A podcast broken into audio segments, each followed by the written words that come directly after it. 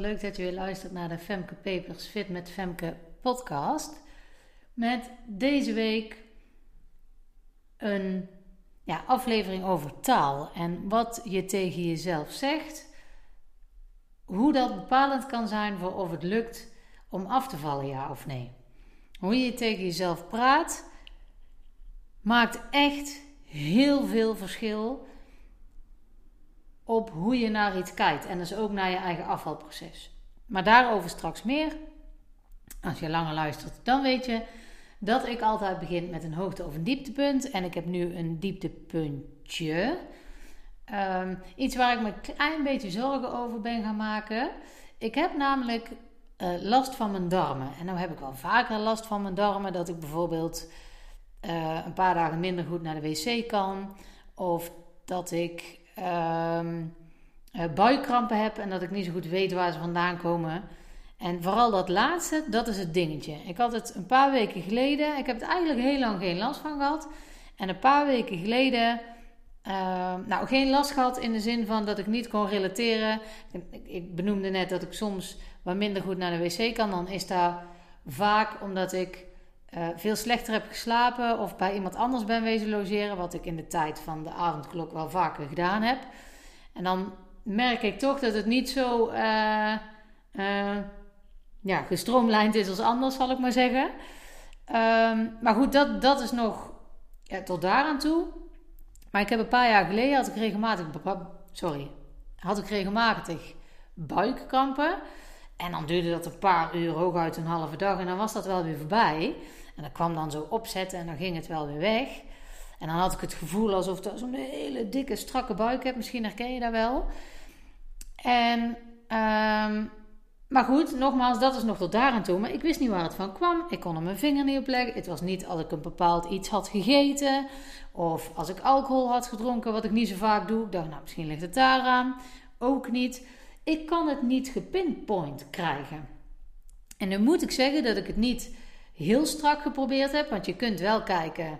Want ik heb bijvoorbeeld een tijdje gedacht dat het kwam omdat ik veel uh, koolhydraten eet, met name uh, ook tarweproducten. Ik dacht, gewoon, misschien moet ik dat eens minder gaan doen. Minder die tarweproducten. En kijken of dat verschil maakt. Maar toen zijn die buikkrampen eigenlijk wel weer weggegaan. En zijn ze ook een hele tijd weggebleven. En heb ik er daarom ook niet meer aan gedacht. Dus ik heb het nog niet zo expliciet geprobeerd. Ik moet ook zeggen, ik heb niet per se zin om dat zo expliciet te gaan proberen. Dus ja, er zit een beetje, ja, ik wil wel van die buikkrampen af. Ik wil wel weten waar dat vandaan komt. Maar tegelijkertijd heb ik ook geen zin om uh, dan maar een tijdje tarweproducten te laten staan.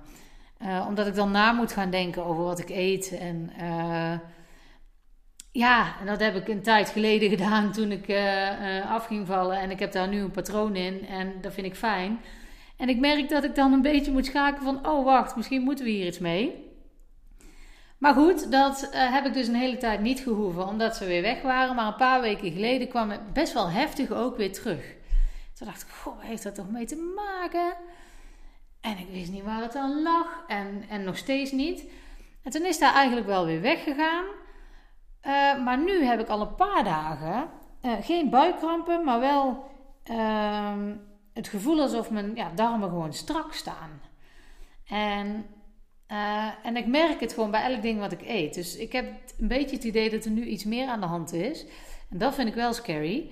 En uh, uh, Moon, mijn oudste dochter van 13, die zei van... Goh, misschien moet je maar eens naar de dokter. Nou, dat vind ik nu nog veel te snel hoor. Want ik heb er nu een paar dagen. We wachten het nog maar even af.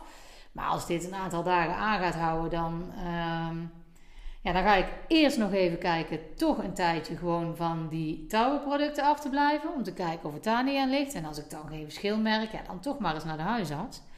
Het is niet zo dat ik daar dusdanig last van heb dat het echt in de, in de weg zit. Maar het is aanwezig, zeg maar. Het is gewoon zo'n gevoel. Ja, ik kan er gewoon nog mee hardlopen. Dus het is niet dat het me uh, in die zin in de weg zit. En ik hoef ook niet ineens naar de wc of ben dagen verstopt. Dat niet. Maar het, ja, het zit gewoon niet helemaal lekker. En um, dat is niet fijn. En dat vind ik wel een dieptepuntje. En vooral omdat ik niet weet wat het is. En dus ook niet weet wat ik eraan kan doen. En dat is lastig. Als je dat niet weet. Tenminste, ik vind dat lastig. Dus dat is wel iets um, waar ik mee, ehm, ja, nou, mee zit. Dat is overdreven, maar het is wel, het, het wel. Ik denk, ja, wacht even, dit moet niet nog een paar dagen gaan aanhouden, want dan is er iets aan de hand. En dat is natuurlijk geen fijn gevoel. Dus dat is waar ik nu een beetje mee ehm, ja, aan het dealen ben, om het zo maar te zeggen. En ehm, ja, god, ik kan daar verder niet zo heel veel over zeggen. We gaan gewoon lekker over het onderwerp waar, we het over, uh, waar ik over, over wil hebben met je. En uh, dat vind ik dusdanig belangrijk. Ik merk ook dat dat terugkomt in contact wat ik met uh, de dames heb waarmee ik werk, in mijn online training volgen. Um, dat je soms niet doorhebt hoe je dingen tegen jezelf zegt, hoe bepalend dat kan zijn. En ik wist dat al. Ik heb daar ook al eerder een podcast over gemaakt. Als het gaat om de vraag die je jezelf kunt stellen, is vaak de waarom-vraag. Waarom doe ik dit nou? Hè? Van waarom heb ik nu te veel gegeten? En in die podcast heb ik het er ook over dat dat geen slimme vraag is, maar dat je je veel beter af kunt vragen: wat ga ik eraan doen? Want waarom, dat geeft je een schuldgevoel. Dat wijst met de vinger van hoe kun je dat nou doen? Waarom heb je dat nou gedaan? En de wat-vraag geeft eigenlijk meteen een actie. Wat kan ik hier aan doen? Wat ga ik de volgende keer doen zodat het anders gaat? Um, dus ik heb het er al eerder over gehad met je.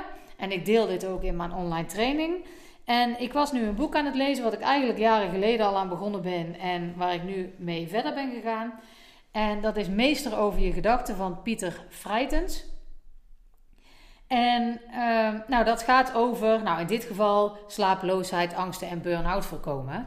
Maar het heeft wel degelijk ook echt raken met, raakvlakken met afvallen. Want hoe je tegen jezelf praat, bepaalt echt hoe je erin staat.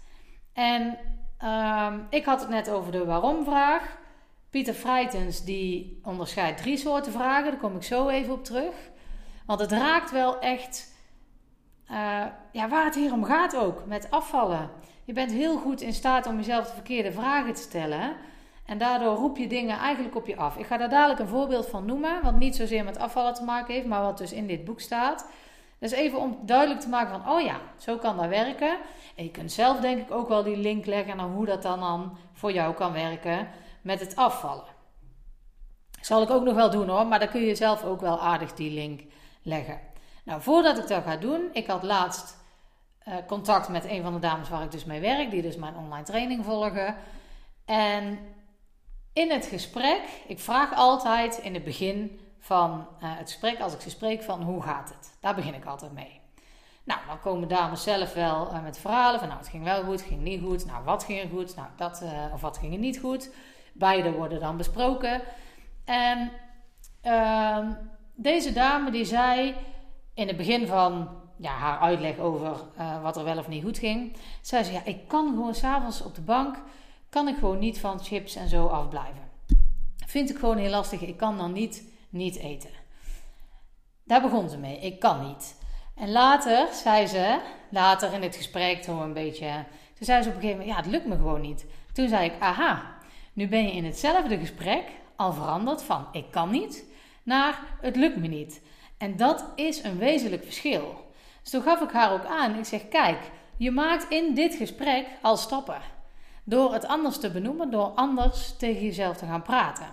Want als je zegt: Ik kan het niet, dan is die deur dicht. Kan het niet. Waarom zou ik het proberen? Kan het toch niet. Heeft helemaal geen zin. Ik kan het niet. Maar als je zegt: Het lukt nog niet, dan geef je jezelf ruimte dat het ooit wel kan gaan lukken. Want het lukt nu niet, maar het is niet dat je het niet kan. Het lukt nu alleen nog niet. En dat is echt een wezenlijk verschil. Ga maar eens na, en volgens mij heb ik dit ook al eerder gezegd. Als het gaat om, dat zal ik proberen. Als je dat tegen jezelf zegt, van oh, dat zal ik eens proberen. Of dat ga ik doen. Als je zegt dat ga ik doen, en ik merk het elke keer als ik dit voorbeeld geef, dan, dan komt er iets vrij in lijf en denkt, oh ja, ik ga het doen. Weet je, dan, dan wordt het gewoon mogelijk. Maar als je zegt ik ga het proberen, dan kun je eigenlijk achteroverleunen. Want ga het proberen. Niet nu misschien, morgen misschien. Eigenlijk precies net wat ik doe met mijn darmen. Ja, dat probeer ik nog wel een keer. Nee, als ik echt wil weten hoe het zit, dan moet ik het doen. Anders heeft, heeft het geen zin, zal ik het nooit weten. Dus dat zijn dingen die ik echt regelmatig benoem in de omgang met, ja, met mijn klanten.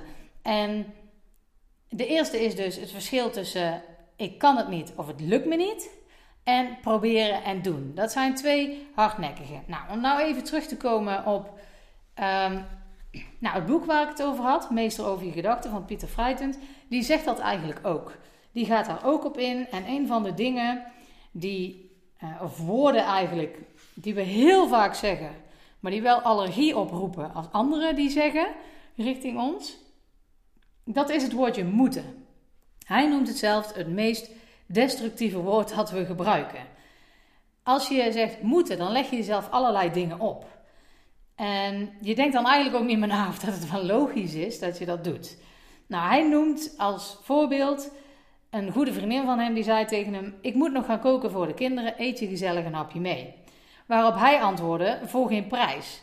Want hij zei: Als jij moet koken, ja, dan smaakt mij het eten niet. Ik heb veel liever dat jij het echt leuk vindt om te koken en daar je best voor doet. En ehm, hij was dan ook nog een begonnier, dus hij houdt van heel lekker eten en drinken. Dus als iemand moet koken, ja, dan verwacht hij daar niet zoveel van.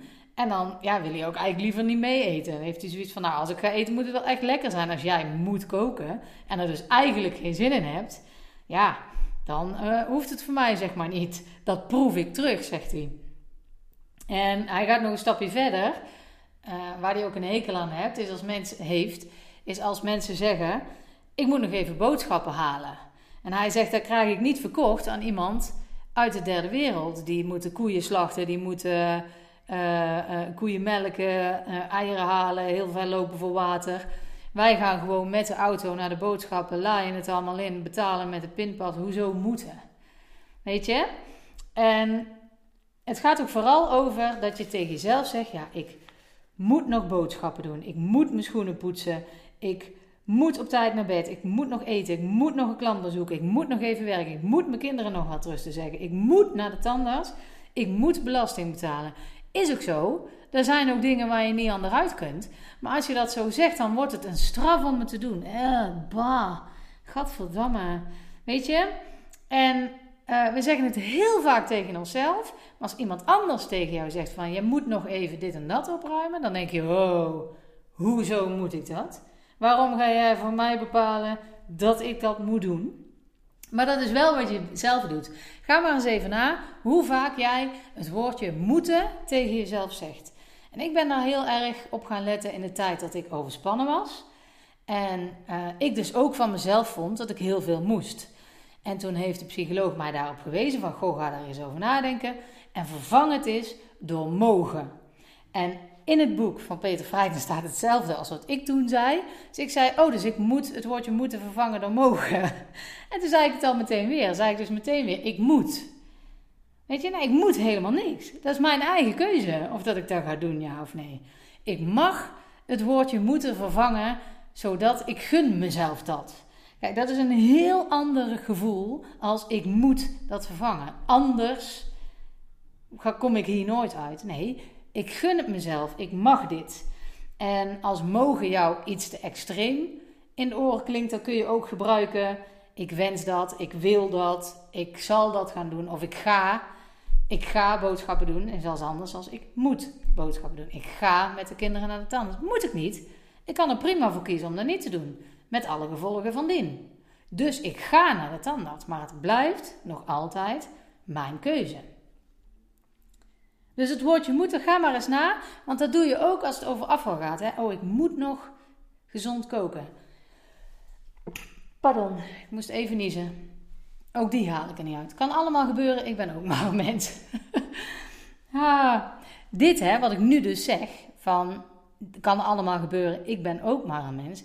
Jaren geleden zou ik mijn best hebben gedaan om per se die nies hier uit te halen. Want, oh, dat kan toch niet? En dat is niet perfect en dat hoort niet ja joh, hey, dit is wie ik ben. En dat heb ik echt wel geleerd. En daar ben ik echt wel relaxed ermee omgaan. Gaan, gaan. en dat is wel, uh, ja, geeft mij ook meer lucht. Anders zou ik nu de rest van de podcast denken, oh verdorie, die nies moet ik er dadelijk nog uithalen. En nu denk ik, ja hey, hij zit erin, moet kunnen, is niet erg. Maar ja, snap je? Dat geeft echt wel een hele andere, andere lading. Maar goed, ik had het over die tandarts uh, moeten, maar ik ga, hè, dat dat al anders klinkt. En zo ook als het over afvallen gaat. Ik moet nog gezond, nee, ik ga gezond eten. Want ik wil afvallen. Niet ik moet gezond eten, want ik moet afvallen. Nee, je wil afvallen, dus ga je gezond eten. Let er maar eens op. Het geeft echt een heel andere vibe als je het woordje moeten zoveel mogelijk vermijdt.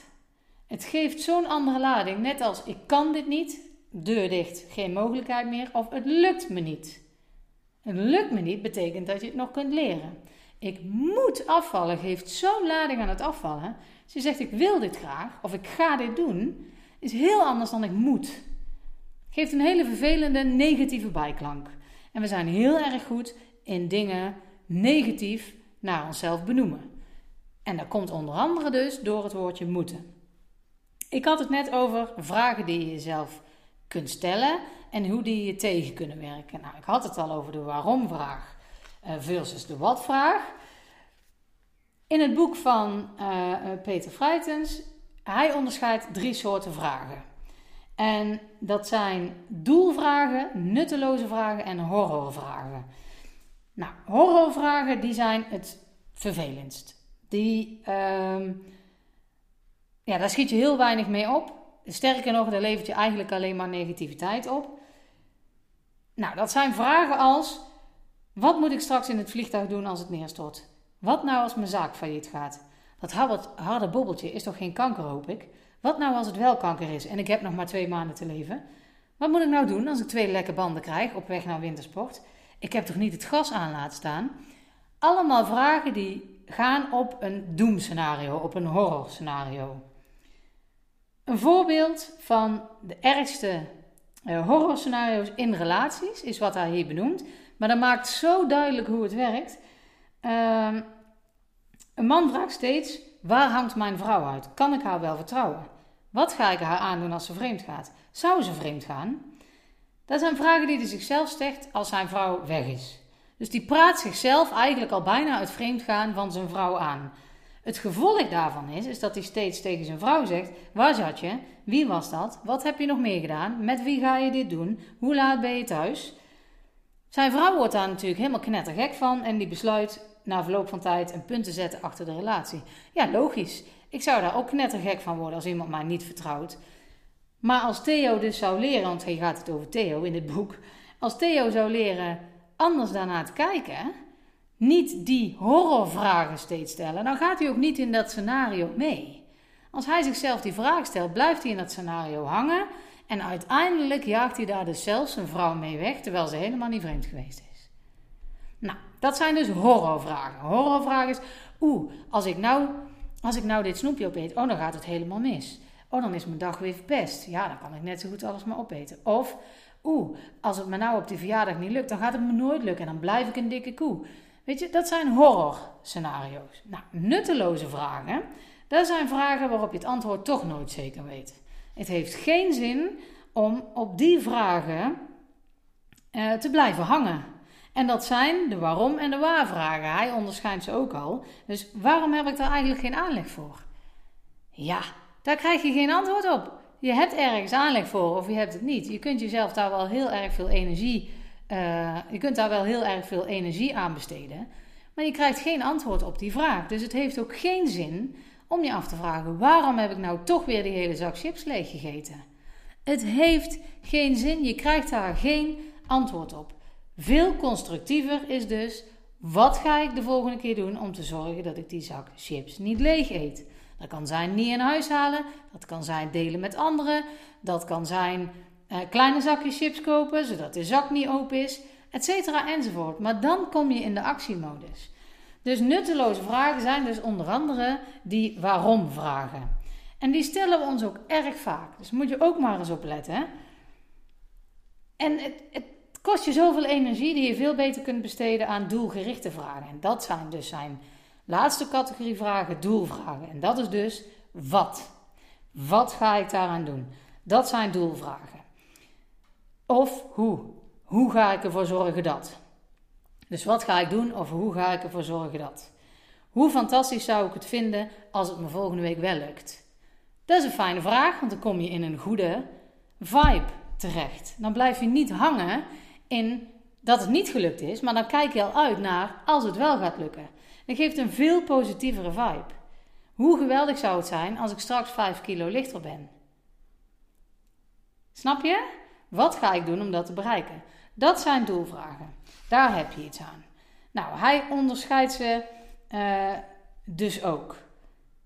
Dus hij benoemt ook, dus als je hoe zegt, dan krijg je veel positieve vragen. Waarom zijn bijna eigenlijk altijd negatieve vragen.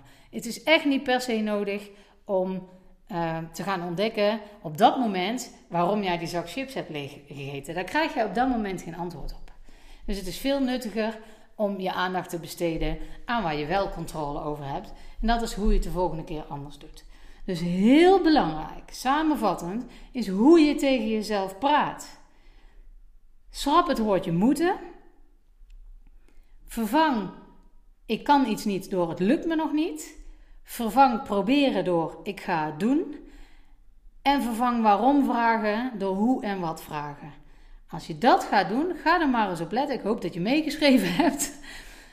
Dan ga je echt anders in het leven staan. En dan ga je positiever in het leven staan. Kom jij fijner die dag door. En dan zul je veel beter uh, ja, je keuzes kunnen maken op een positievere manier. Anders blijf je daarin hangen. Want denk maar even terug aan Theo. Die blijft daar zo in hangen dat hij uiteindelijk zijn vrouw wegjaagt. Dus als jij daarin blijft hangen, zul jij nooit je doel bereiken. Dus stap over op die andere vragen en die andere woorden en ga die implementeren in de dingen die je zegt. En geloof me, het werkt echt. Je gaat er een positieve houding van krijgen. Dus ga ermee aan de slag. Laat het mij ook zeker weten uh, als het heel erg goed lukt. Dat hoor ik heel erg graag. Mocht je vragen hebben, hoor ik het ook graag. Je kunt ook altijd uh, onderwerpen aandragen via podcast.fitmetfemke.nl. Daar kun je zeggen van, goh, ik zou het fijn vinden als je het daar eens over hebt. Vorige week heb ik al een aantal vragen van uh, luisteraars beantwoord. Dus stuur ze vooral in, want ik kom er echt op terug. Voor nu hoop ik dat het goed met je gaat en tot de volgende.